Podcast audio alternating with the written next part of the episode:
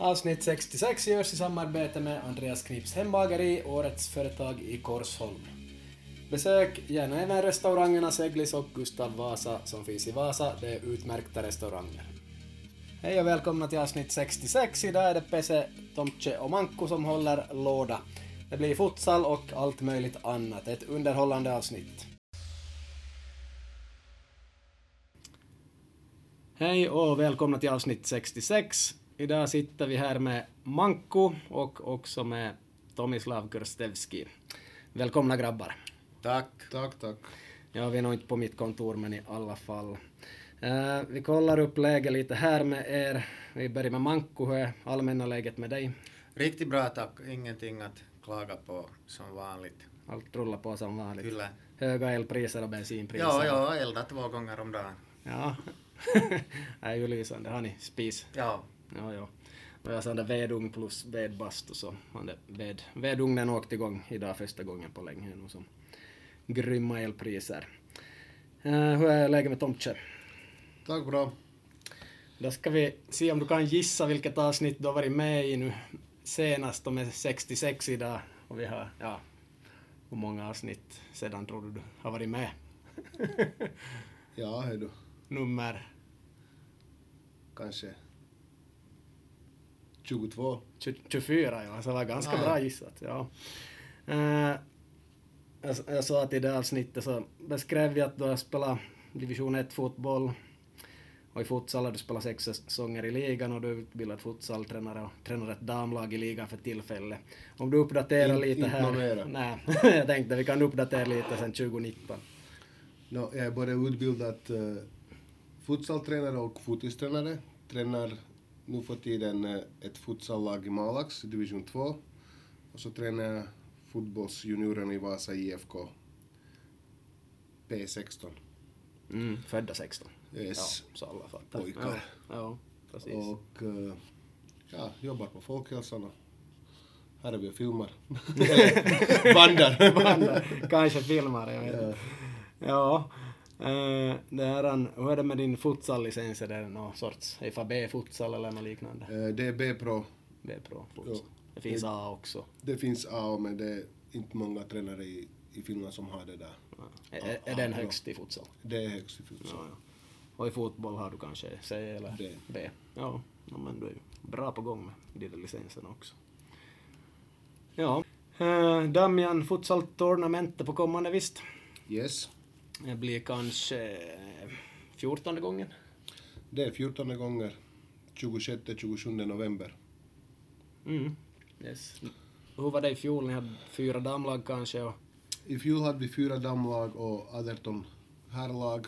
Så det är det max vi kan ta med. Vi spelar som i två dagar som sagt i två olika hallar. Ena är Vamia handelsläroverket och andra är Rollercenter. Så det är två fulla dagar med futsalmatcher. Yes, hur ser det med anmälningar i år? Det är på gång. Jag vet själv som ordnar mycket att de brukar komma i sista minuten ibland och sådär, men det är på gång redan en hel del kanske. No, vi har ganska många anmälda lag, men det finns ju som utrymme till åtminstone par i herrserien och, och par i, i damserien. Och sista anmälningsdag är den 13 november, så att, så att passa på att anmäla er. Mm, fyra dagar kvar från då den här podden släpps. Senast, senast jag kollade så var det ju 15 herrlag och, och tre, tre damlag eller något sånt. Mm, precis. Ja, no, men ska det säkert bli fullt då. Det är säkert de som kan anmäla i sista minuten också kan man Jo, vissa anmäler sig alltid i sista minuten sen då man, då man vet att den där helgen har inte man så mycket. Och så är det så. Och så är det alltid så vi har haft att då, då anmälningsdagen är över så ringer, ringer folk sen, hej finns det, finns det ändå lediga platser? Och så denna men tyvärr så är det bara som att vi måste ju anmäla alla tider till Vasa stad och, och allting så då, då kan inte vi ta några mera lag utan det är nog att anmäla sig i tid. Precis. Kanske någon reservplats om något lag får något problem eller något. Ja, men just nu så har vi inte så många som kommer ju, vad heter det, utifrån. Mm. Utan det är de här närmaste 200 kilometerna här runt om i trakten så att... Ja, ja corona och andra Ja, grejer corona så andra, kan ju vara bra att ha ett Det finns- reservlag. Det finns alltid en reservplats, ja. Ja, Manko har ju spelat här x antal gånger också. Kan du berätta någonting vad du minns från turneringen och minns du hur många gånger du har spelat här också kanske?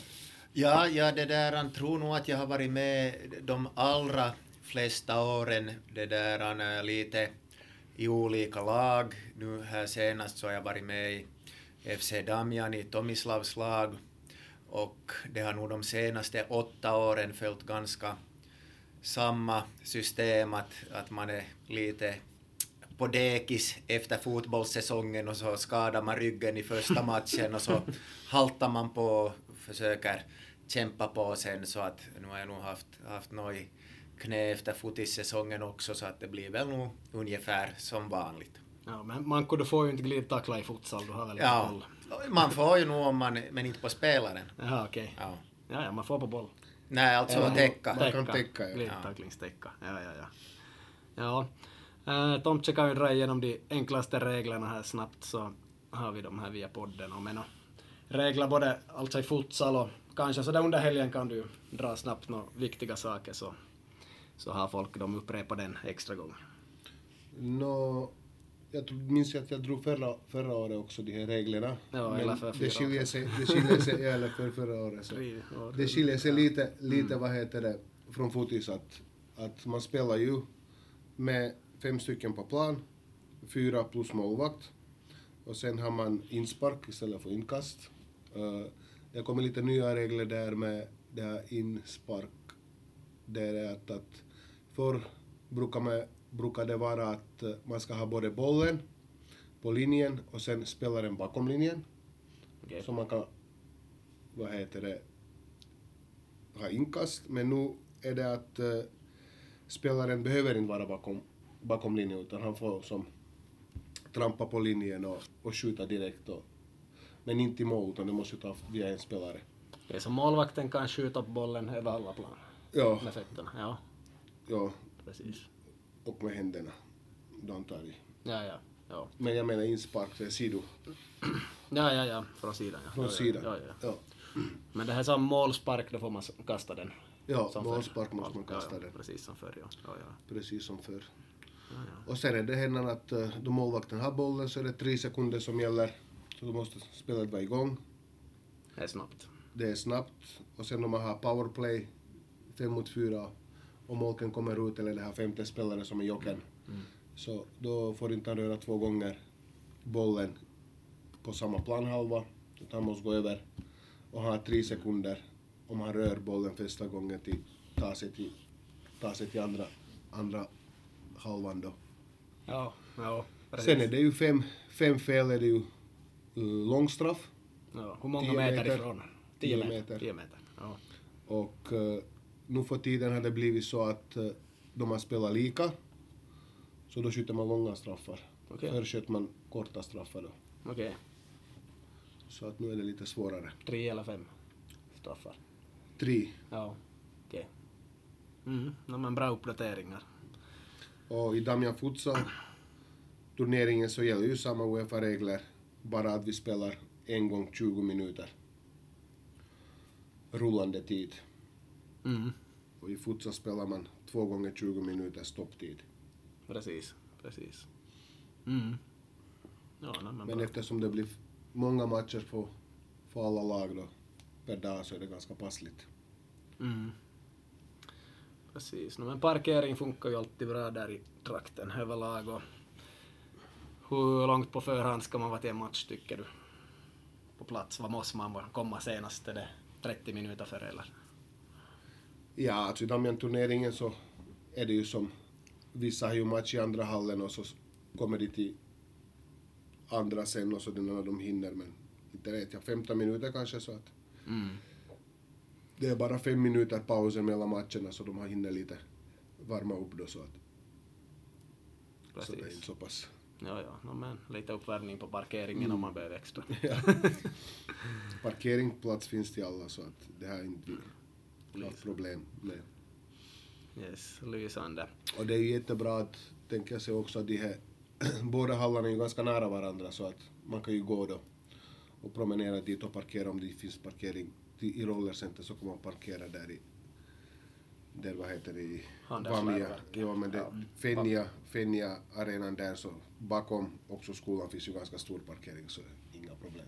Ja, precis. Jättebra. Har ni någon sån där kvällsfest nu för tiden? Eh, vi brukar ha varje år och det kommer att varje ordnas, vad heter det, festen för Damian-turneringen alla, alla som är med också och skå- åskådare som har Damians pass. Och det blir ju samma Leipateras med Markus Granfors och deras band som uppträder. Som har uppträtt kanske i säkert varje turnering. Bara med olika artister. Ja, låter lysande.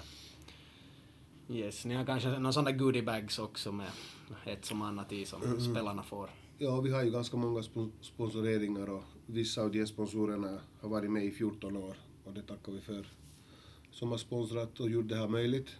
Så det kommer också varje år, vad heter det, goodiebag och priser till spelarna och sen till vinnarlaget. Förra året hade vi till vinnarna en dagsbiljett till Vasa festival och eh, sen för andra laget hade vi som uh, Padel X var ju sponsor och de fick ju fara och spela en dag och prova på padel hela laget. Mm. Ja. Så det är fina priser och sen har vi som för bästa målskytt och semifinalerna, kvartsfinalerna och plus alla spelare får ju en sån där goodiebag där de får presenter och allting så. Ja, nej, det var jättebra. Minns jag coachade ett lag och vi föll ut sådär passligt tidigt men där fanns ju massa, okej de här två behöver någon pizza, vi är det dit och de här två vill säkert se på Viaplay och så var jag ett som annat där och så. Det var faktiskt ganska bra att dela ut det där, var bra filis. Man tänker att med det avgiften man betalar så får man ju som ganska både priser och, och rabatter vad heter det, runt olika affärer här i Vasa. Mm. Nej men lysande, lysande. Yes, har Manko några frågor och funderingar kring turneringen? Du måste säga någonting. Eh, ja, nej, jag undrar eh, när den här lottningen är. Jag, några år har det varit riktigt fint med Champions League-musiken och livesändning och kända fotbollsspelare som har varit med och dragit det där, de här boll och kinderäggen och, och det där, gått igenom lagen. Kommer det att ordnas något sånt i år eller kommer schema ut sen när det är färdiglagat? Mm, som sagt att uh, sista anmälningsdag är 13 så efter det brukar vi ha alltid en vecka för i förhand den här lottningen. Och då kommer det att bli samma, det kommer att livesändas på Damian Futsal-turneringens uh, Facebook-sida, Instagram och så kommer, kan man följa som live. Och det kommer också kända profiler som att vara med i utlottningen också så att det är ungefär en vecka före turneringen börjar, så det blir ju som ungefär när 18 kanske 19 där. Mm. Jättekul, jag brukar nog se på den stunden också. Även de år jag inte har varit med i turneringen. Yes, eh, ni brukar ha lite sån där goodwill runt turneringen. Eh, superbra stämning för övrigt kan jag säga också där. Men ja, har ni något speciellt ni donerar pengar till eller stöder någonting speciellt från turneringen? Och nå, allt överlopps som lämnar vad heter det från turneringen så har vi stött bland annat eh, för två år sedan så gav vi till Vikingaskolan till det här eh, uteplanen, konstgräs, så donerade vi och i år gick donationerna till Kamratvallen.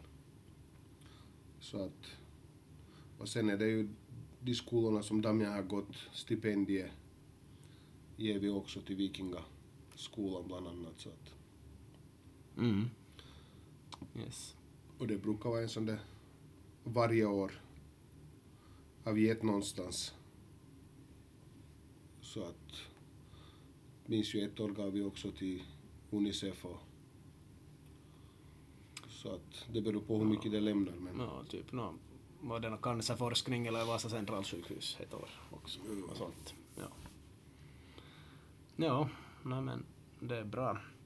Eh, tusen tack för all den här infon Tomtje och du får ju vara med i podden idag här på allt övrigt vi snackar också. Om du vill. gärna. yes, vi ska köra vidare.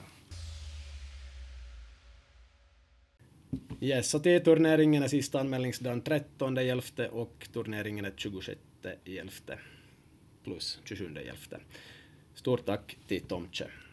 Ja, vi tog emot några frågor via Instagramkonto här. Vi ska låta Manko börja här. Uh, där de frågar hur många gånger i veckan tränar ni tre och hur många steg per dag? Manko, har du något medeltal på dina veckor och dina steg per dag? Äh, min det här, äh, på de här stegen så måste jag säga att, äh, att min det här armbandet gick faktiskt sönder i förra årets Damian-turnering. När jag hade på den och så var det en, en sån här rivande motståndare vid namn Fredrik Utriainen som tog Ottaman itse kontakti och det där sen i vändningen så rev han av min pulsklocka och, och jag har inte fått det där armbandet ännu fixat så att jag har, har inte koll på antalet steg. Sen hur mycket jag tränar per vecka så, så det kanske, kanske eh, nu har höjts med ungefär 400 procent från vad det har varit tidigare. Så att kanske eh, jag har haft via några sådana tyckupengar, gymkort nu, eh, det där en, ett år och, och det där är med där så att jag försöker nu det där fara, fara en fyra, fem gånger i veckan. Mm, låter lysande. Yes. Uh, de armbanden kan man köpa billigt på nätet. Jag har någon sida där man kan köpa såna kopior perfekt för billigt pris. Ja, jag har nog fixat det också så att jag har med något gummiband lagat så att det hålls. Men att, att, ja, det var nog mest ett svepskäl men, men ja. nu är det säkert äh, kring, kring 20, 20 000 det var, kan berätta annars om de där stegen, eller har jag berättat det förr här i podden? Dra det på nytt. Då det var en, på stafettkarnevalen när jag var så, så var det en, en bekant förälder som var vid den här ena gatustafettkontrollen hela tiden och så sa han att det var hans fjärde gång idag han var där och att det kommer nog mycket steg, att nu har jag redan 30 000 och så frågade jag att ja, är det nytt rekord så sa han att nej, att han fick nog lite mera då när han länkade till Jeppis. så, så vad ska man säga på det då? det var en sån. ja, så att, så att med de här stegen, ja. Ja, ja, ja. Tomtje, har du någon koll på dina, din statistik? No, jag försöker ju, vad heter det, varje, varje dag att komma upp till 10 000 steg. Och mm. Jag har en sån där klocka också, men Sen att träna fyra, fem gånger i veckan har jag inte lyckats ännu med. Men vad heter det, jag försöker ju åtminstone par gånger att träna eller motionera någonting. Men upp till 10 000 steg så brukar jag ha varje dag. Ja. Och det är mitt mål. Yes. Ja, uh, nu är det off-season från fotboll så fotisäsongen tränar jag nog fem, fem gånger i veckan säkert någonting. Men nu försöker jag, eller försöker, det är inte några bra ord för mig, men måndag och fredag är det gym, helt säkert, och körstyrka och så. Nej, tisdag och fredag. Och måndag har jag rinkbandy, så där är tre pass och sen någonting utöver det hoppas jag att få också. En länk eller något motsvarande. Så kanske fyra pass i veckan, men jättemycket vardagsmotion, promenader och mycket lek med barnen och sådär. Så. Eh, det var på semester två veckor var det mellan 20 och 25 000 steg, nu är det nog kanske där 15 000 ofta, far över 20 ibland. Så Ja, där någonstans. Så. Nästa fråga, en riktigt bra fråga här. Hur bra skulle Tomtje ha blivit som mittback? Jag tror jag låter Manko igen börja. Det är ju faktiskt så att äh, Tomtje är ju egentligen en mittback. äh, vad skrattar du åt? Jag minns, minns i slutet på 90-talet när han kom till, till det där Finland så, så var han ju det där, där i C15 och B-juniorerna en riktigt bra stopper faktiskt. Det där, han ägde luftrummet och kunde också mm. spela upp bollen. Så att svaret på den frågan är att han är en mittback. Ja, eh, vi ska komma ihåg det på 90-talet, att man spelade upp bollen så var det den som sköt längst och hårdast, så det, oj den där är bra, den där är bästa spelaren i laget. Jag minns vi hade en annan med initialerna PJ där som sköt himla långt, så det var bästa liberon eller mittbacken. Nåja, Tomtje, frågan över till dig. Ja, no. Kanske jag skulle ha blivit en bra mittback. Jag hade ju alla förutsättningar då man var liten åtminstone. Man var ju som storbyggd och, och stark. Och, och jag hade ju Manko som libero där bakom mig. Så det var inte många som gick förbi då, på den tiden. Nej. Men vad heter det, jag vet inte vad det ändrades sen. Vem 17 lärde i anfallet? Ja, vem, vem var det? Ja, nej. Jag tror det var Nicke Nyberg Nicke Nyberg och Jocke Nyberg som hittade min nya position och sen dess har det varit så där. Men ja, jag har nog spelat faktiskt några, några matcher som mid, midback också i några lägre divisioner då vi har haft brist på spelare, eller på träningar brukar det också vara en midback. Jag tycker om den där positionen så att Mm. det är mycket mindre springa så de inte man kan löpa bakom, bakom försvararna mera som, som anfallare, vad heter det, och ta de där, vad heter det, löpningar, löpningar, vad heter det, som är mina starka sidor. Ja, men en su- superintressant fråga och eh, ja, man vet inte hur bra det ska bli där men samtidigt måste jag säga att Tomtje var en jättebra anfallare som var 18-åringar framåt och gjorde ju massa mål speciellt med huvud och allt möjligt så det är ganska svårt att hitta anfallare som kan göra mål så på det viset är det nog lättare att hitta mittbackar så då hamnar man nog lätt i anfallet skulle jag vilja påstå. Så, inte vet jag, ungefär lika bra kanske skulle vara svaret men man vet ju aldrig skulle jag kunna bli ännu bättre där. Man vet inte. Kanske man skulle ha haft en längre karriär. Ja. ja, Inte är karriären slut ännu. Ja, och det här... an- Ja, sen behöver man ha någon tränare som visar och utvecklar hur ska man spela upp bollen och det. här. Fanns ju inte på vår tid då vi växte upp. Det var, bollen ska upp och den ska långt och den ska hårt. Och det är grusplan på försäsongen och då den har farit upp hårt så då börjar man kriga om den mellan alla de studsarna. Yes, men det var en kul fråga. Vi ska se. Måste fotbollsjuniorer spela futsal? Tror vi börjar med Tomtje som har lite mer futsal-insyn. Mm mitt svar är absolut. Jag tycker att eh, det är där som unga spelare utvecklar sin taktik, taktik spelförståelse, snabbhet. Om vi tar exempel att alla de eh, stora stjärnorna, till exempel som Messi, Ronaldinho, Ronaldo och alla brasilianska spelare, så de har spelat futsal tills de var 15. Och jag minns då jag var ung, eh, det gällde tills jag var 14-15 så var det, det var bara futsal. Det var bara spel på små plan och, och, och snabbt och så att vi var ju riktigt glada då vi, ska, då vi hade träningar, minns jag, vad heter det, det var hela tiden sådana små spel, sådana futsalspel och sen när vi slapp någon gång på stor plan, då var man riktigt nöjd att nu ska vi ta egentligen futiskorna och så ska vi spela på stor plan.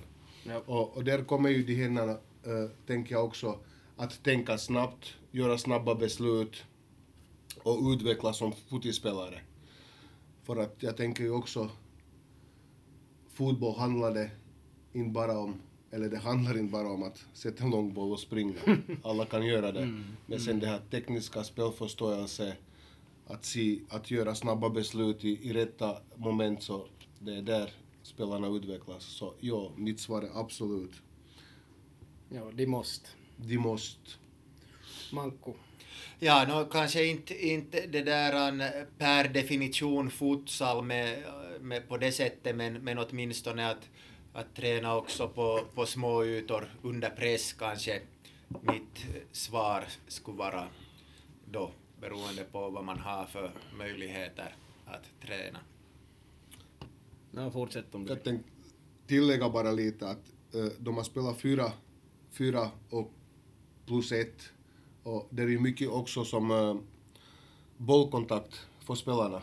Mm. Och det är ju en sak, det är en helt annan sak om du spelar som fotis, fast du spelar småspel, så kan någon som har kanske lite mindre, uh, hur ska jag säga, som är mindre bra att hamna lite utanför och spela som sker bara på en, på en planhalva eller det här. Men i futsal så alla måste vara som med och göra rörelse och springa rätt och åtminstone få kontakt med bollen. Och sen är det upp till, upp till dem om man klarar sig. Men då får man mycket, mycket kontakt med bollen. Yes, alla är med och bidrar hela Mm. tiden. Precis. Yes, om jag ska kommentera det själv då så jag brukar inte kommentera saker som jag inte kan så mycket om och vet så mycket om och futsal är väl en sån gren och hockey kommenterar jag inte därför heller. Uh, ska ändå göra något försök här den här gången men folk är ganska sådär att "Ö, varför lyssnar du inte mer på det här? Var, Varför bryr du inte dig i det jag pratar om? Jag har ganska sådär starkt filter mot sånt som jag inte kan. Jag sitter uttala mig så mycket men nog lyssnar jag Förstås, men jag vill inte uttala mig så mycket i så fall. Mm. Ser vi ur ett fotbollsperspektiv som är fyra plus en på plan så är det där det blir taktiskt också. Att spelar du med en plus tre så har du hårt tempo, då kan du få mycket tempo och få ut äh, många prestationer per minut av de spelarna. Men redan med fyra plus Molke så det blir som också mycket taktik så det är ju bra att de får den där taktiska biten plus att det nog är tufft förstås på sitt sätt. Tuffare än 11 mot 11 på sitt sätt. Så mycket bra och äh, den här futsalbollen så är ju ganska bra då den dämps lättare så hjälper säkert vissa spelare kan jag tänka mig. Så absolut tycker jag att man skulle kunna ha futsal en gång i veckan åt typ alla fotbollsjuniorer upp till vad det nu ska vara 15 eller 16 eller någon ålder man väljer där. Så det där tror jag vi missar lite på, plus att det kan vara ganska billigt att få de här futsalturerna jämfört med någon konstgräs. Så det är på sätt och vis mitt svar. Sen kan jag säga att äh, Sydafrikas damer hade den här tränaren Vera Pau, som är ganska känd, och äh, de skulle ta ut Sydafrikas damlandslag till, var det VM för några år sedan, så då hamnade hon att plocka futsalspelare dit, de har bara spelat futsal, men de var som bland de bästa i landet ändå. Landet var underutvecklat i fotboll, så fick ju nog lära om dem ganska mycket innan de var på elvamannaplan, duktiga, eftersom de har spelat bara futsal och ändå hör till landets elit, så är ju superintressant. Men att, ja, småningom omskolade mer och mer och mer och, och det gick ju bra för Sydafrika där, om man följer upp den tråden. Så, jepp, intressant och jag tror nog vi skulle kunna komma in på lite mer futsal där, dessutom inte så dyrt. Sen en fråga, var ni alltid i öppningselvan då ni spelade och har ni något tips åt avbytare? Nå Manko? ja, no, det där... An, som äh, junior var det kanske lite sådär si som så, sen det där... An, Eh, kanske 70 procent i öppningen och sen, sen eh, då jag var målvakt i juniorerna så kanske lite mera på bänken och sen, sen igen mera i öppningselven och sen på bänken i tre år i rad och sen har jag nu försökt att jag skulle ha min, min en sån här tioårig ever present strike, att jag skulle spela i öppningen varenda minut tio år i rad. Den det där bröts efter fyra säsonger och så fick jag starta den på nytt.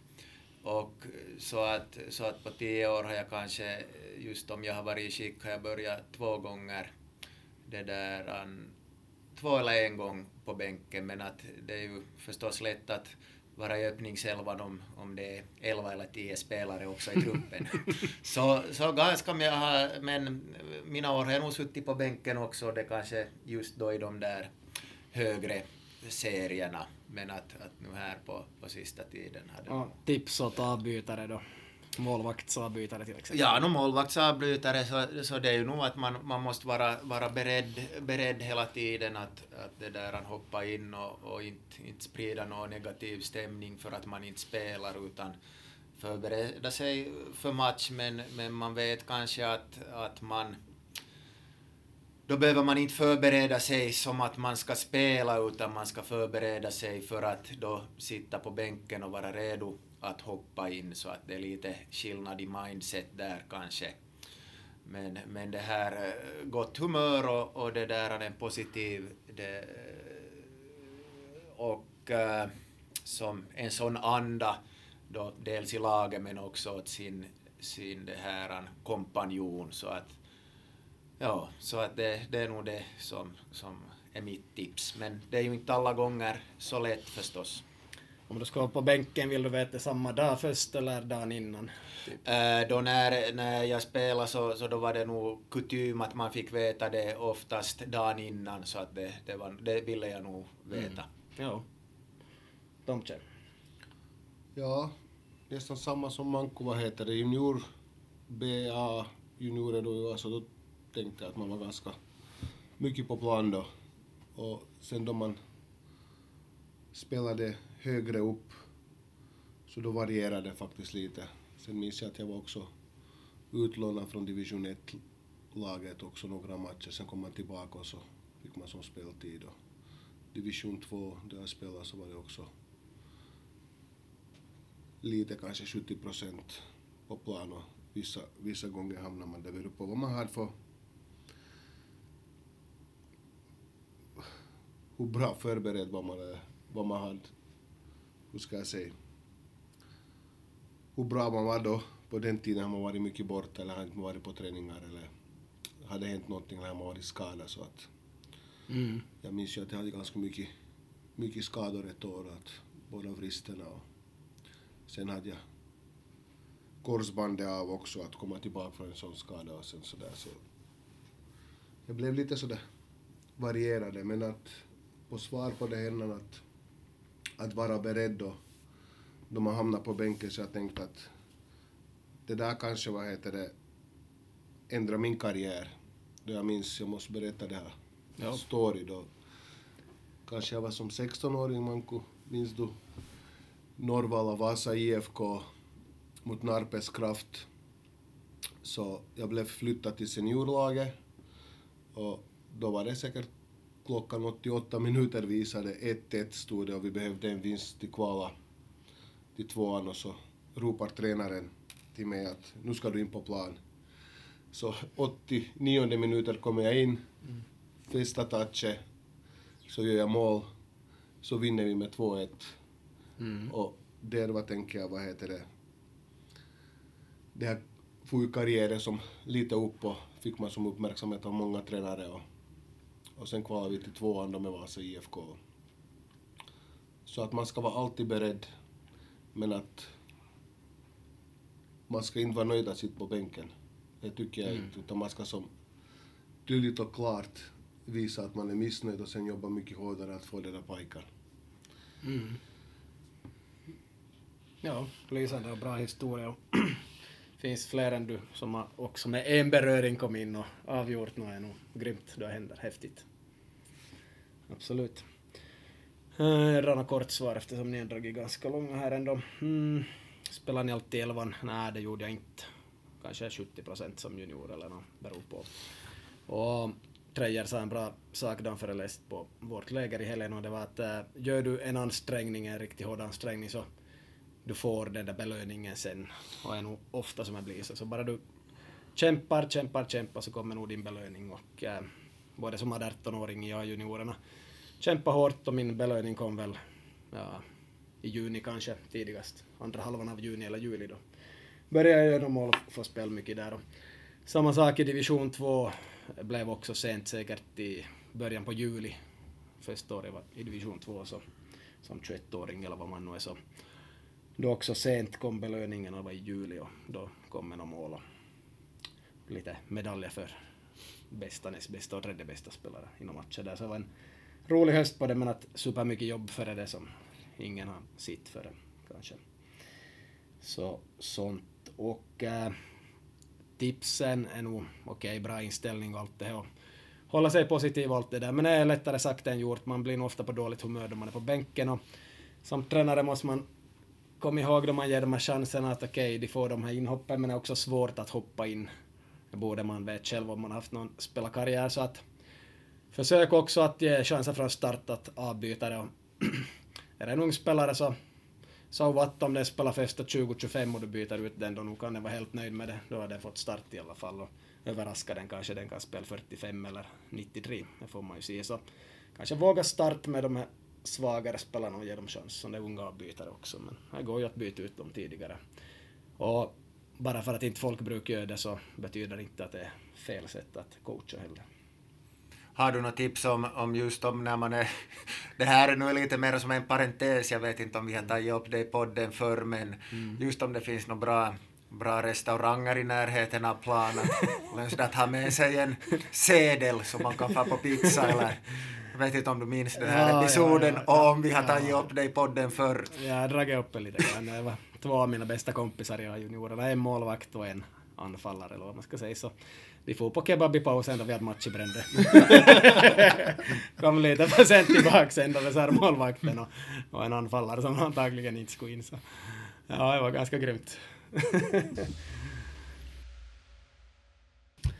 yes, vi har släppt iväg Manko här. Han hade bråttom och äh, jag eh, har gått kvar här så skulle ju vara konstigt om vi inte pratar om någon integration överhuvudtaget idag. Vi ska nog inte överdriva det, vi har pratat mycket om det förr och sånt. Men att om vi diskuterar lite det här med pengar, att äh, många klubbar har en viss ja, vissa problem med ekonomin för tillfället, speciellt på lägre nivå, speciellt div division 3 och 4, möjligen 5 och 6 klubbar, billigare i 5 och 6 så jag har sett det som ett problem länge och belyst det att de division 3 och 4 klubbarna är viktiga för juniorerna ska där via före de ska till tvåan och högre kanske, så det skulle vara viktigt att se att både ekonomi och sådana såna eh, viktiga människor som fixar grejer, drar in sponsorer och sköter klubbarna det blir färre och färre av dem och det finns stor risk att lag elimineras. Det händer och det, händer, det har hänt och det kommer att hända på nytt. Så, Eh, uh, enskilda spelare också har en viss brist på pengar ibland och med kanske utländsk bakgrund eller också med bara dålig ekonomi så kanske socialen hjälper eller kommun eller, eller någon. Men att Uh, vad tänker du Tomtjen sådana saker då både lag och spelare har sämre ekonomi nu, kanske sämre än någonsin i och med alla kriser med corona och elen och allting. Jag tänkte tillägga bara att, att det är inte bara som klubbar i lägre division utan det är också junior uh, klubbar som har ju som svårt, eller föreningar, juniorlag, nu, juniorlag ja. och ja. Uh, som sagt att speciellt i de här dåliga tiderna då allt priserna höjs och allt är dyrare och så höjer de hallar och allting så att klart det påverkar både spelare, föreningar som har lite mindre, mindre ekonomi och, och har inte där möjligheter kanske och inte sådana personer som är så mycket engagerade att skaffa de här sponsorerna och, och pengarna. Mm. Så att uh, också har det blivit, jag vet inte om det har blivit som en trend eller någonting att, att uh, föräldrar och uh, människor är mindre engagerade i föreningslivet. Och det, det är också, tänker jag, att eh, då blir det ju så mycket mindre, mindre pengar till föreningen och, och till exempel till juniorer som vissa av föräldrarna är kanske bekväma att betala en liten slant, till att jobba eller att sälja något, mm. vad heter det, toapapper ja, eller något sånt. Ja, papper är jättebra inkomstkälla. Ja, så för, så för tänkte då jag spelade så var vi som ganska mycket, det var sådana eldsjälar som var engagerade för föreningslivet och, och gjorde faktiskt så för flera spelare om man inte hade möjlighet att sälja som en själv. Mm. Men nu är det denna att de är ju så kanske mycket mer bekväma att, att betala en slant och behöver inte de göra någonting eftersom de har eget jobb och de är upptagna med allt annat och, mm. och det här livet går ju så mycket snabbare nu för tiden än kanske förr. Mm. Ja. Så att det ser jag som ett problem också och, och då lider det ju faktiskt det här föreningslivet då att och sen jag vet att vissa av de här föreningarna så har ju som fonder då där de samlar in kanske för sådana spelare som inte har möjlighet att att betala månadsavgift eller, eller årsavgift och sånt eller kan inte vara med på alla turneringar som, som de ska vara med. Men den där mm. fonden är så liten så att den far ganska snabbt. Ja. Så att så det är nog, tänker att vi ska fråga oss själva lite att hur vi ser på det här föreningslivet och hur mycket vi ställer upp och har vi som tid då att sälja några extra toapapper eller mm. godis, godislådor så att någon annan kan ha också mm. möjlighet att utöva en sport. Ja. Där ser man ju Zlatan Ibrahimovics pappa fick väl köpa alla hans bingolotter oftast och mm. det är inte så ofta man vinner där heller. Och, eh, där ser vi får till Gothia Cup med ett lag för kanske fyra år sedan eller något så var ju en med utländsk bakgrund som han skulle inte komma med men att okej, okay, kanske nog berodde på pengarna antagligen så eh, uh, jag slog mig själv att jag borde ha fixat det där på något vis skulle säkert ha hunnit på tre månader samla ihop de där pengarna, vad det skulle handla om 600 euro eller något. Jag hade så himla mycket att göra det där året. Men ja, vi skulle ha bröllop mitt på sommaren och fick veta kanske i maj så det var nog, det var inte något som jag tänkt på det måste fixa med. att säkert skulle det ha gått att fixa med en massa kontakter och lite extra försäljning och allt det här så någon måste ha itu med sådana saker. Och sen då det är flera, eh, äh, själv stöter jag inte på finländare med svag ekonomi. De, de kommer inte att berätta det i alla fall. I så fall kanske de använder ett skäl att när vi är upptagna till det där och det där.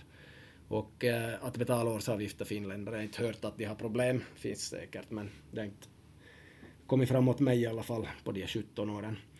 Men just det, man har flera med utländsk bakgrund och eh, helt klara ekonomiska problem och, och det är öppna kort och allt så går det ju att hjälpa till nog men att inte hur mycket som helst så socialen kan inte hjälpa hur mycket som helst, en kommun kan inte hjälpa hur mycket som helst så det finns nog problem där och vi kommer att tappa spelare i finsk fotboll på grund av det här också så eh, det är nog knepigt. Ja, mm. fyll på. Jag tänkte jag tänkt också att det handlar inte, tänker jag, mer om utländska eller invandrare eller majoritetsbefolkning eller det här, utan det handlar om själva familjesituationen, hur de har. Mm. Kanske vissa har ju som flera barn och de kan inte som prioritera deras hobby då de är. Mm. Eftersom om ena barnet spelar så då går det ju som ut över de andra kanske som blir mindre än någonting annat. Så att, att det handlar hela som familjesituationen och jo, jag har ju stött med mitt jobb, har ju stött många som har mycket ekonomiska problem, både majoritetsbefolkning och invandrare, så det är som inte lätt för men det är det där att om man hjälper varandra, om man, om man som jobbar för ett mål eller föreningen eller den här mm. sektionen som man har, att alla tillsammans kan bidra och mm. hjälpas åt. Ja. För att vi vet aldrig i vilka situationer kan en hamna. Idag kanske vi har, imorgon kanske vi inte har. Mm. Med tanke på vad som händer i världen som vi sitter ju som alla osäkra på något sätt. Ja. Och, och det är ju det där då, om man som kanske hjälper nu i början just med den här integrationsprocessen och hjälpa till och förklara kanske varför vi samlar de pengar, att, att vi ska jobba tillsammans och sälja kaffe, korv, vara med på matcherna och sånt så att så då tror jag att, att man kan klara på en bra nivå. Mm. Att man ger möjlighet till alla då. Ja, just det där WC-papper. Om jag skulle räkna med att man säljer 10 så säger man när alla ska sälja 11 och så vet man att, att x antal har svårare att göra det. Ja, Eller vad det än gäller. Mm. Men det, det handlar just om den att vissa kan sälja 20 och vissa mm. kan sälja 5. Ja. Så att hur mycket alla ska både sälja hur mycket så mycket de kan. Så mycket de kan, ja. Och teamwork. tänka teamwork och tänka, vad heter det, om jag säljer det här året kanske han säljer nästa år 15 mer än mig. Mm. Då har han skapat det där nätverket och, och kanske har någonstans till sälja de här Vesa-papperna. Ja, precis. Ja, det är nog en bra grej det där och förstås andra talkom måste finnas. Andra vägar att hitta in, men att småbarn svårt. Sen ska man Sen är det också ett problem då de blir fotbollsdomare och ska ta inkomsten den vägen, för de krockar ofta med träningar och matcher då de är domare. Många också som behöver inkomster, så på gott och ont är ju bra att det finns domare och de blir ofta ganska bra domare, många som spelar förstås, men att mm, det är inga lätta saker, så om någon har bra idéer så ta kontakt med Tomtje eller mig. Och där alla söker ut alkohol och försäljning och allt det här hela tiden, så det är ju bra, men att ja, fotboll ska ju egentligen vara billigt. Speciellt i länder där det är varmt. Enda du behöver en park och du behöver två stenar till mål och du behöver en boll. Så har du ett mål och så två stenar till andra målet så kan du spela i princip. Så fotboll ska ju kunna vara billigt men det är ju inte alltid så enkelt. Ja, det är lite farligt då. De har sett att nu fotboll är också en sån sport så att så juniorer slutar på grund av ekonomiska problem eller på grund av att de kan inte betala en månadsavgift eller inte vara med på någon turnering och, och det är lite, mm. tycker jag, synd. Ja. Men som sagt, det är nog som en samhällsfråga, tänker jag också, att staten och alla som hjälper föreningarna och, mm. och de juniorerna Ja, där är ju nog skattepengar skulle nog betydligt mer kunna gå till sådana här saker tycker jag. Det finns säkert något annat man kan spara in lite på. Um, jag kan inte så mycket politik i Finland och allt det, men man hör ofta i Sverige om hur bra det har gått, de har hållit på så länge med integration och allt möjligt. Och det finns ju hur många människor som helst från Iran som är superframgångsrika i Stockholm till exempel. De, de får ofta ha med i några podcast som är stora sådana, som har skapat företag och allt möjligt, entreprenörer och tänk hur mycket de betalar tillbaka till samhället i dagens läge i form av skatter och allting så jag vet inte, Finland har nog säkert en hel del att utveckla där. Kanske i Sverige har man lärt sig. Mm. De har misslyckats och nu har man lyckats. Ja, ja, på vissa plan. Sen har de ju andra problem med gängkriminalitet och allt sånt som en annan bit i ta itu med. Men, men det tar inte bort de bra bitarna. Ja, vi kan ju försöka sammanfatta lite. Det här är nog mest en massa små infopunkter vi har gett här och det är ju knepiga grejer. Jag, har du ännu några tankar här? Angående Det som vi just har pratat om, allt det med pengar och det är både finländare och folk med utländsk bakgrund men att det är knepigt, det är väl slutklangen men att Ja. nå, någon högre upp skulle måste göra någonting. Ja. Nej, alltså det, jag tänker det är ju som en, en ansvar för alla. Vet du, att Jag tänker att folk måste vara mer engagerade och, och hjälpa till. Som du sa också att man vet ju aldrig när föreningarna får tillbaka sen pengarna om någon blir stjärna eller Ja, plus samhälle. samhället Ja, också så att så Ja. att vi alla har en ansvar där. Ja. Det som jag ser är att ähm, är väldigt få spelare som säljs dyrt, speciellt från Österbotten skulle jag säga. Och kanske Jaro har fått några pengar. Här och där kanske har kommit någon lite Roman Jeremenko-pengar någon gång. Fostrar pengar och sånt. Men att skulle vi ta in lite mer kunskap till vår fotboll, liksom, liksom de som bestämmer skulle satsa på att nu tar vi in bästa kunskapen. Det är inte bara från bollförbundet, det är från FC Evolution, Raymond Verheyen. Saker som jag och Niklas Tjecko och många andra fördjupar oss i. Får du in den här högsta kunskapen, får ut den mer åt tränare och spelare, får in de rätta tankeverktygen. Jag är helt säker på att vi kan utveckla åtminstone några spelare som far längre än till Sverige, ut i Mellaneuropa småningom. Och ska komma in pengar från dem, det skulle hjälpa mycket. Och sen kommer de tillbaks någon gång i framtiden och kanske att tjäna bra och, och vill ännu ge input i fotboll. Vi har inte så många som har farit som proffs desto mer härifrån trakten. Eh, Tim Sparvo, där har vi nästan allihop från Österbotten snart. Och Narva det. Ja, det är ett tag sen. Men det är ju någonting vi måste ifrågasätta då att vad är det vi gör som inte funkar? Jag tänker att ändå vi har ganska många juniorer som spelar fotboll, som tränar och eh, det tänker jag att de här senaste 10-15 åren skulle vi haft kanske någon ute i Europa från någon förening. ja. Så det måste vi som fråga oss att vad är det vi gör fel? För att talanger finns det. Men sen tar det någonstans stopp där då, då de kommer till en ligalag eller till någonting så då är det som, där är det stopp. Ja, det finns ju inte så många finländare heller som är ute i Mellaneuropa, klart en del, men att de kommer ofta från tätbefolkade orter som Helsingfors och Esbo dylikt förstås. Eh, men att fråga Niklas Tjeck om, om man vill veta, så behöver man inte fråga mig, för det finns faktiskt himla mycket kunskap att ta in som bevisligen funkar hur bra som helst. Vi ser det på våra kurser i Mellaneuropa, hur de gör, och man ser det på massa saker vi har gjort på på liten nivå vi också på våra läger direkt vi ger rätt tankeverktyg åt spelare och sätter dem i olika situationer. Så de gör saker som man aldrig skulle tro. Så tänker att göra det fyra gånger i veckan eller någonting med högstadieelever. Så det finns en annan nivå på fotbollen att utveckla. Och, och det skulle faktiskt vara jättebra för Österbotten att få fler spelare som lyckas rejält. Det är som okej, okay, den där i allsvenskan, tio år, nåja, den har kanske 4 000 euro i månadslön eller något, inte blir det väl några pengar där och inte, va, inte var den något dyr då den såldes från klubben i Österbotten heller och så där så till Danmark eller längre bort, dyra övergångar så kommer de fostra pengar och spelaren tjänar mycket pengar och klubben kan komma hit kanske och spela någon turnering och sånt som behöver ge kom in en massa pengar via sådana. Jag tror Sverige har ju det mycket mer för de har haft så tiotals, tiotals proffs säkert per stad som bara har varit ute på. De kommer tillbaks med ekonomi också måste man ju nog kunna säga. Mm. Och jag tänker det är ju också, också samarbete. Eh, från och med juniorstid.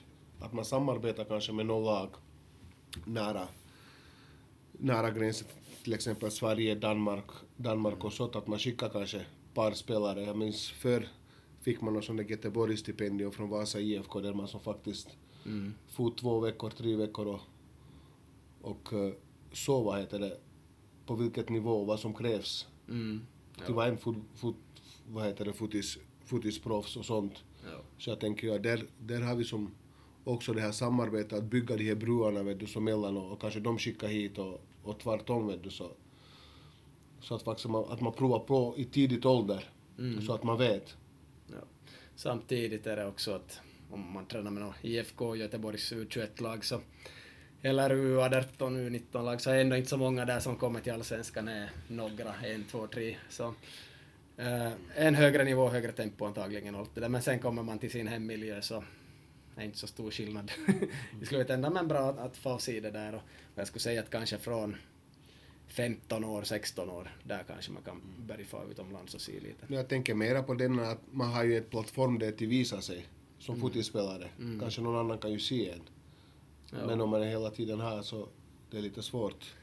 Ja, jag förstår att folk vill visa upp sig också, men mm, det är lite tudelat. Man ska vara bra också. Jo, jag menar det. Ja, ja. Så skulle verkligen vara dags att få ut några storstjärnor. Klart det är Jeremenkos, men det är mer från familjebasis. Och Jaro, okej, en del spelare far till Allsvenskan och, och Tim som sagt och sådär far ut. Men att det är ytterst lite folk här. Korsholm och Vasa har inte så mycket att komma med, men ser vi tillbaks till någon 97 då Jääskeläinen och Reini såldes, så där kom ju nog in några större pengasummor, men det är ju superlänge sedan, det är ju 25 år sedan det nu. Tommy Kinnunen och, och vem som nu har blivit såld där på den tiden. Men att, ja, så det skulle nog också vara ett sätt att få någonting. Någon skulle bli såld riktigt dyrt här. Vi hoppas om det. Vi hoppas på det. Vi sitter här och hoppas och gör ingenting. Ja, ja nej, men att hög kunskap in och dessutom förbättra allting som vi redan gör från förr och, och så vidare. Och mindre strider, mer samarbete. Men det är lätt att sitta och säga ja, vi ska nog samarbeta. Ja, men jag tycker vi, vi går ju som ändå framåt om man tänker flera år tillbaka och nu är det nu är det föreningarna satsar ju att utbilda alla tränare från juniorsnivå och sånt så att de har kunskap. Jag minns ju att förr var det kanske lite att föräldrarna var ju som tränare och, och hur mycket man hann och hur mycket kunskap hade man om fotboll och vilka som saker lär, lärde, mig, lärde man sig då ens pappa var tränare och, och kanske det var bara att de kanske spela och inte utveckla så det kanske taktiskt och tekniskt och men nu, nu, nu är det många eller ja, många föreningar som satsar ju faktiskt på att, att det ska vara utbildade tränare att från juniors, från tidig juniorsålder. Och det tycker jag är så bra. Och sen då man kommer till en viss nivå, då ska man utvecklas ännu mera. Att det här inte utvecklingen stannar eller haltar på något sätt. Så jag hoppas att vi är på en bra väg. Och, Jag har gått mycket framåt kan jag säga som ser det här ur nästan en expertsynvinkel att förr hade ingenting, nu har de kanske sån här som motsvarar det finns ingen D-kurs med men det som var FAD för, eller inte heter FA men D-kurs, C-kurs, sånt började de ha. Ha de här med yngsta barnen och sen de här FAB ganska mycket och möjligen FA men det som man vet i slutändan när man studerar lite mer är att de här licenserna, de innehåller inte den där riktiga kunskapen och högsta kunskapen, de är grunder allihop. Också FA-licensen som jag har så man tror man kan mycket då man tar den och man tror kanske det är ännu ett år efter det och FA Pro som några kompisar har så nu är det bra men sen då man kommer ut och ser vad det finns för annat så finns som tio eller hundra gånger mer att lära sig och det är som ingen i Finland som riktigt har förstått det där. och jag tänker en sak vi måste som inte glömma att uh, jag tänker i dagens läge så finns mycket mer sådana elkällor som brinner för fotisen. Och, och det är inte bara att du har en licens om inte du kan som uh, ge den här kunskapen till, till junioringen eller juniorerna eller vad heter det, det laget du tränar. Utan du måste vara engagerad, du måste ju sätta din tid och du måste faktiskt eh, brinna för det du gör. Ja. Och, och, och det är ju som, man märker ju att vissa som har licenser och inte kan, vet du, som uh, sätta en träning eller inte brinner för det, så då blir det ju ändå till ingenting. Ja. Men ju, just nu har vi som, tänker jag, som tränare, jag kan prata från sådana som jag känner, att de brinner faktiskt för fotbollen. De brinner för det där att, att vara på plan, fast det regnar, fast det snöar. De Ja. är ändå där och ställer upp Ja. och sen ger dem den där kunskapen som behövs, som kanske har de då C, B-licens Mm, ja. med, med att, att, att ge den där kunskapen, att vara där, att brinna för det man gör. Det är det som tycker jag alltså saknades förr. Mm. Utan det var bara som att du har en licens men sen brinner du för fotisen eller brinner du för utvecklingen så är- det var en stor, vad heter det, fråga. Ja, nej det räcker inte. Det ska vara allt. Eh, senast jag hade tid att satsa före jag hade barn, sista året jag skulle få barn, så träna, träna och spela med vårt lag fyra gånger i veckan, men det var som varenda dag tänkte jag på det, satt och planerade på datorn och ganska mycket sömnlösa timmar på nätterna då jag skulle sova. Men att sen nu då jag har barn så jag släpper inte sömnen, jag, jag tänker inte på det på nätterna, dit släpper jag inte mig, men ändå i vårt eh, division 4-lag så är som vi pratar med lagledningen sju dagar i veckan. Så pass mycket brinner vi för det nog som att sköta det bra, men att betyder inte att vi får jättebra resultat, det beror på många faktorer, men att man i alla fall nog som gör i princip sitt yttersta. Så det är många bitar här som vanligt, men att tror vi ska börja avrunda. Klockan är mycket och vi närmar oss en timme podcast snart, så vi får, får vara riktigt nöjda tror jag. Har du ännu någon slutkläm du vill ge på dagens avsnitt?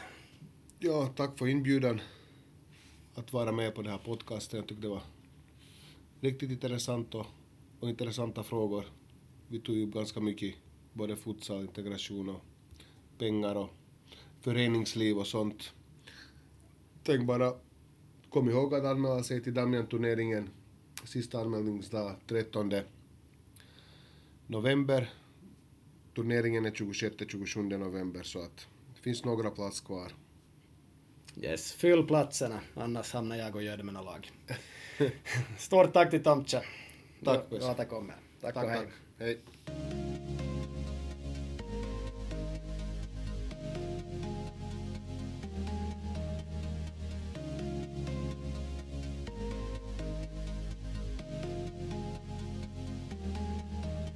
Avsnitt 66 i samarbete med Gustav Vasa och Seglis, två utmärkta restauranger i Vasa.